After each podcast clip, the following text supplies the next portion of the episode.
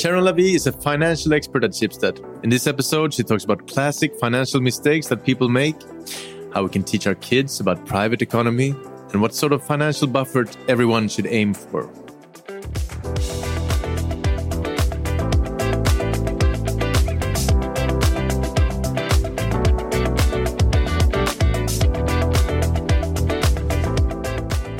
Sharon, welcome to Schibsted Talks. Thank you very much.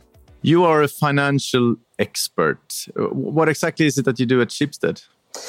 Well, my job is to help people to make better decisions about their economy. So in Schibsted, we have quite a few companies whose goal is to make it easier for the consumer to make good choices that have a great impact on their finances and therefore enable the consumer to fill their life with what makes them happy and avoid uh, financial mistakes and costs like um, money cost but also time and energy so translated to the day-to-day work it means that i um, analyze political events and legislation and interpret that to how it affects our private finances.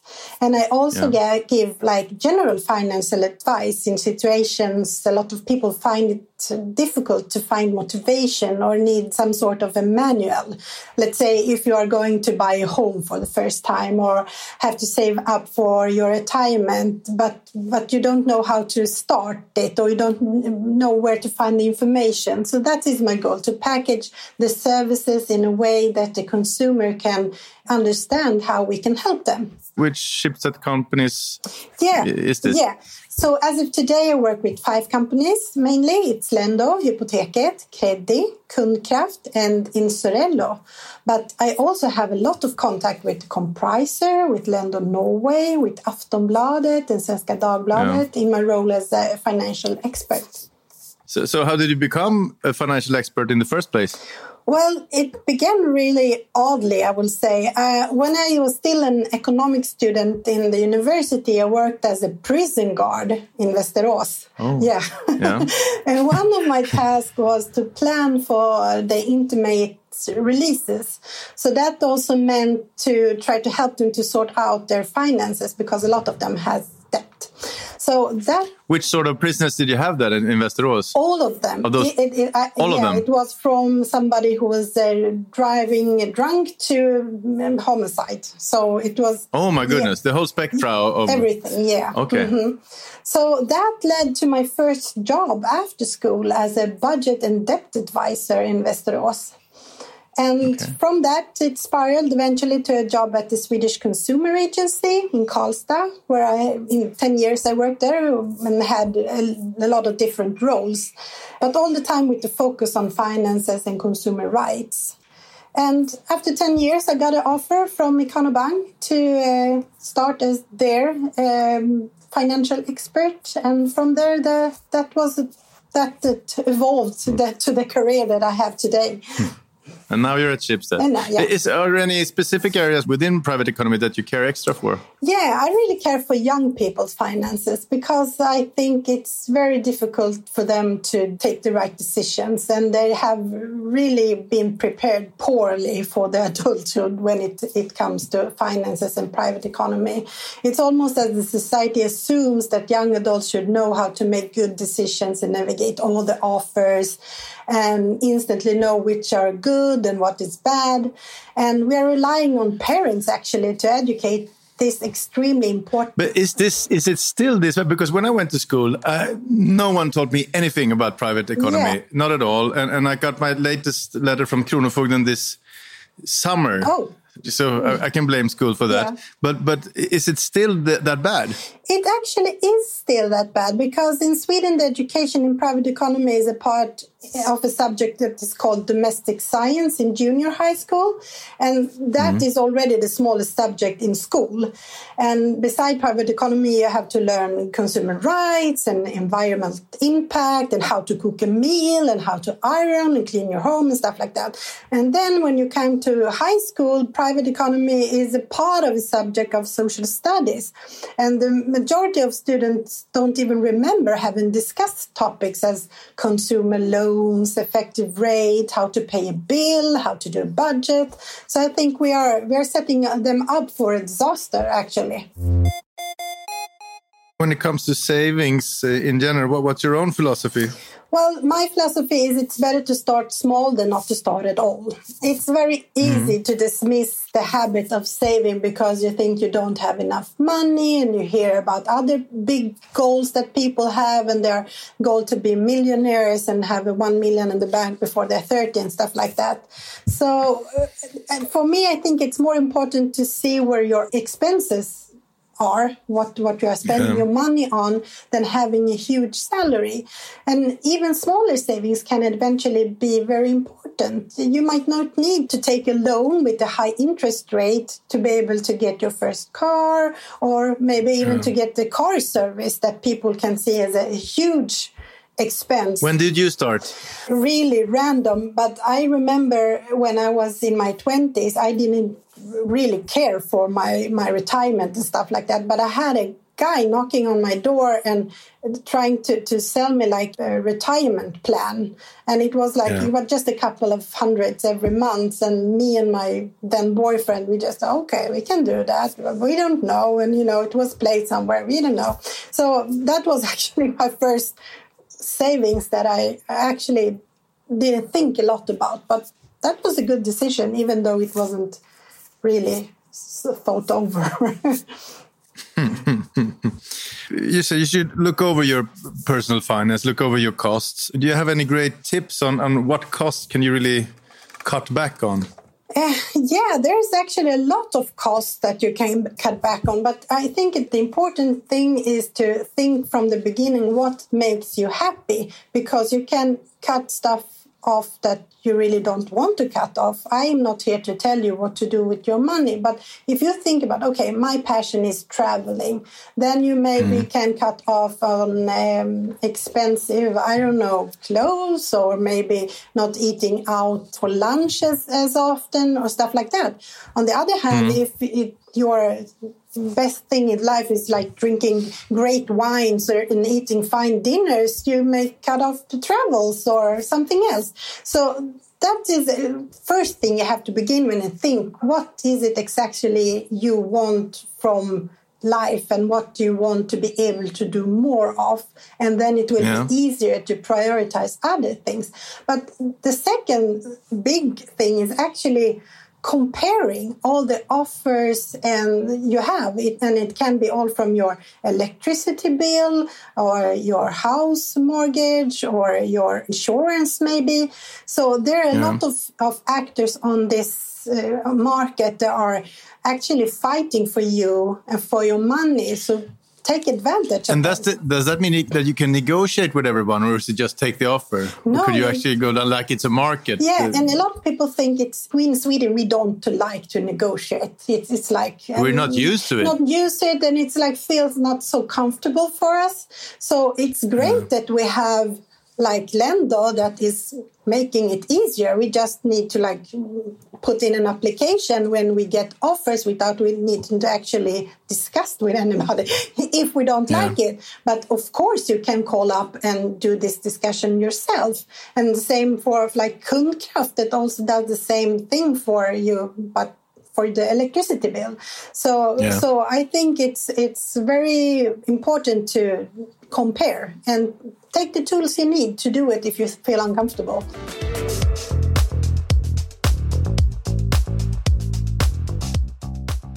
So basically, once a year, use Kundkraft and Lendo and look over your your.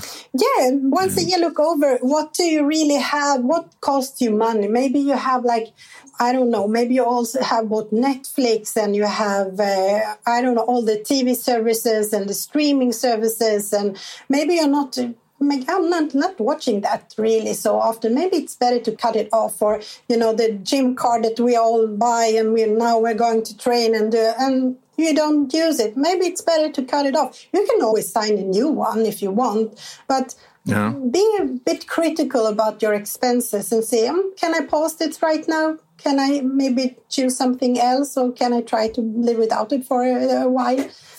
We talked about savings. Let's say that I earn 50,000 a month how much do you think in general I should uh, put away for rainy days? Yeah, it really depends on how you live and how many people live with you. So if you're yeah. single and renting, you should save up so you have maybe two monthly salaries for you to cover unexpected expenses.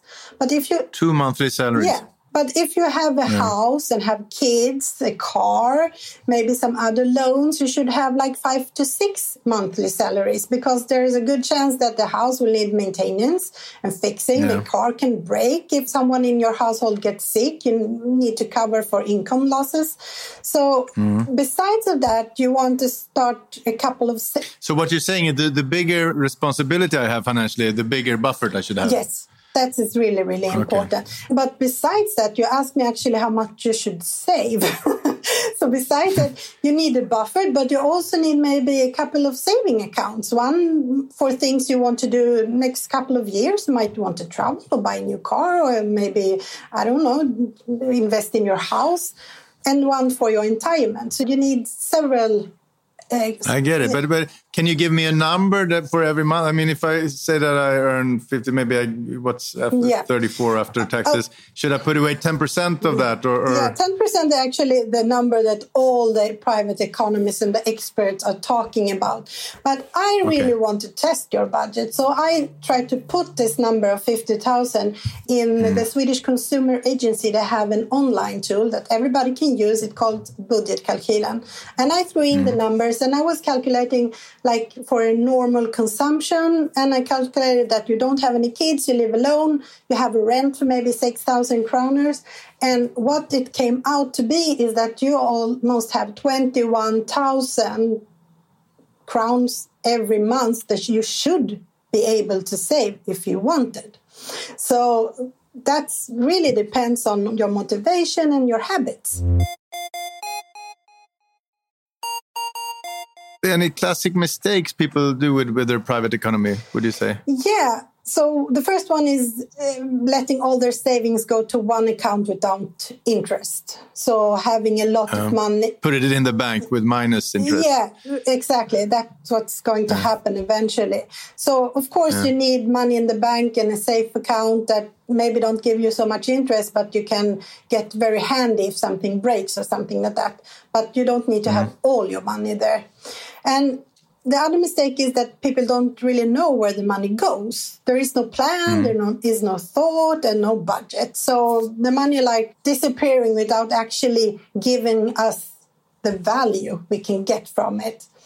And third thing is that they don't write down contracts with people they hire to do work like painting, building, stuff like that. There are so many people that get angry because they have paid for someone's service and they don't get what they have paid for it they're going delayed and if you have a paper on it it can solve you a lot of, of problems mm-hmm. and if i can say a last thing is that yeah. we tend not to talk about economy with our spouses we don't talk about what goals we have together or one one on one. What I want to do, what you like to do, what happen if we separate, what happen if one of us dies. It's yeah, it's. Uh, That's interesting, and that was a, a question I had because I'm a perfect example of that. Me and my wife, we don't share bank accounts. I honestly don't really know what her economy looks like, and we've been together for 20 years. What's your thought on this? I mean, what's the ideal setup there? Yeah, well, I think that you should um, sit down, talk with your, your spouse, and uh, ask them, what do you want us like uh, doing together for the next couple of one year, five year, ten years? Is there something we should do together? Is there something you want us to save up for? But it's as important to be honest with your own desires and your own life and habits and hobbies and everything, uh, hobbies. Yeah. So so you can also communicate about that and once and for all have like you don't have to have an allowance, but you know that you have your money is okay to do what you want to do with. So not yeah. one person is always saving up for the travels you're going together, doing together, and the other one is always buying, I don't know, golf clubs or something. No, that sounds unfair. yeah. a more personal question then. I, I, read somewhere that you were let off a job a couple of years ago, and and uh, feelings aside, from a strict financial view, how did you cope with that? What what did you cut back on?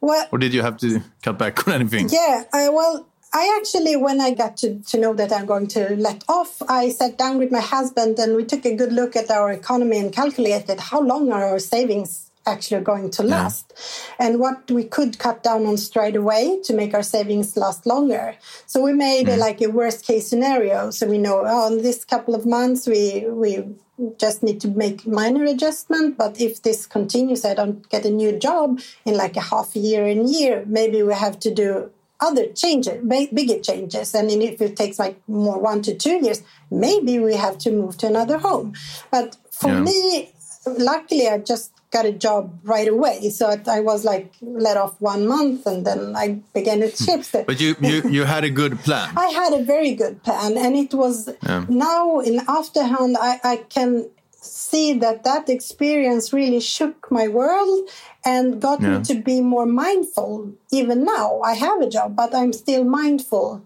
of my money. Yeah. Yeah we talked about this, but, but, during the pandemic, a lot of people have lost their livelihoods, mm -hmm. and and the financial buffer what should you recommend you said two months you said six months in, yeah. in general i mean yeah well it's uh, of course the buffer is is needed is is is about to look at your life situation and see yeah. how long can you live maybe sort of the same way with uh, and, and I don't I don't mean like you have the same TV channels but you know live in your own same house and and, and yeah. have uh, the TV channels actually cost a lot if you want all the streaming service yeah they do but that that things you can I think a lot of people can just like just cut right yeah. off that's not a big yeah. Issue but I think a lot of people feel it's a bigger issue to just sell their home or maybe sell their car stuff like that. So you need you need some buffer to see that you can um, manage two three months. It often takes longer actually to get a, a job but but yeah. you have the society that gives you money. You can get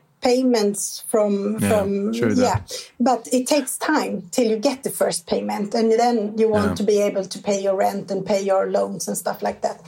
If you have big loans it could be like a, a good idea to already now see if you have like an income insurance. If you have an income insurance maybe from your union or from the bank when you have like a, a home loan you can a, a mortgage you can sign an insurance that it pays the payments for the loan when you are, are like let off or if you get sick and stuff like that in your professional opinion would you say swedes if you have like if if eh, when it comes to to, to awareness of, of, private economy, when if num one is clueless and ten is very aware, where where are Swedes? I mean, I think we are like uh, a six. a six. yeah, uh, yeah. I think the majority want to have better awareness about their private. We're not a disaster. The the majority is actually okay. But a lot yeah. of us, even if we are okay, we want to have a better uh, awareness about our private economy, and we don't know where to begin. And this fintech products make it uh, easier to make good decisions. So compare offers and find relevant information. And mm. a lot of people find it that the, the obstacles is to finding information and they don't have time to do in-depth research every time they need to buy something or sign an agreement or, or a contract. So you're willing to do that for like bigger purchases, like if you are buying a home or a car, but I also seen people take like loans without comparing interest rates, and that can affect the economy a lot also. At the same time, I want to see a trend that where savings and investing money in stock and bonds has become more and more popular, uh, especially yeah. among younger people, and more women dare to take the step to invest their money too. So I'm very happy to see that trend actually. I wonder how they will react when the stock market will plummet, though, because it will once, yeah, one day. Yeah, and as a, a person, I'm also saving in, in, stock and bonds, and I know this day will come. And yeah. the, the best thing is to not look. not look. no, just, no, I, my, no. My philosophy is actually if you put your hand in the sand, your head in the sand, and, and yeah. dream of better yeah, days. I, I, think like this: you have there are two people that are investing. There are some people that are um, monitoring the the development every day, and they're doing adjustments every day, and they're, mm. those people are going to act daily.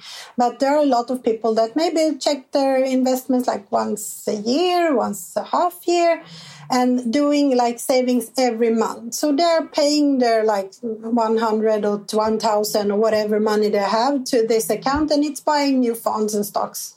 So, yeah. And yeah. if you're saving for a long perspective, like 10 years, 20 years, it will go up and down in periods yeah. and yeah, but but the history shows that it goes up. So just don't touch yeah, anything. Definitely. yeah don't touch anything. Let it be. Yeah. Let it be that's true. Mm -hmm. so you worked in Schibsted for a year now. What's your general thought about the company? Schibsted is very very exciting company with a lot of great products and services that help people in their daily life. And it feels very modern both in the development of it businesses and offers and the way of working. And I'm so very, very happy to be a part of Schibsted and the companies I'm working with. So it's a fun environment. It's exciting. It's happening a lot of stuff everywhere. And I really, really hope to meet even more colleagues and businesses through the year. So it, because you started when, when during the pandemic, yeah, right? Yeah, I haven't almost yeah. met anybody in real life. I've seen everybody in the computer. So don't hesitate to contact me with questions, ideas, and not just to grab a fika. Thank you so much for coming to Schibsted Talks, Sharon. Thank you for having me. This podcast was brought to you by Schibsted Employee Branding Team. My name is Hugo Renberg. The producer was Jens Back.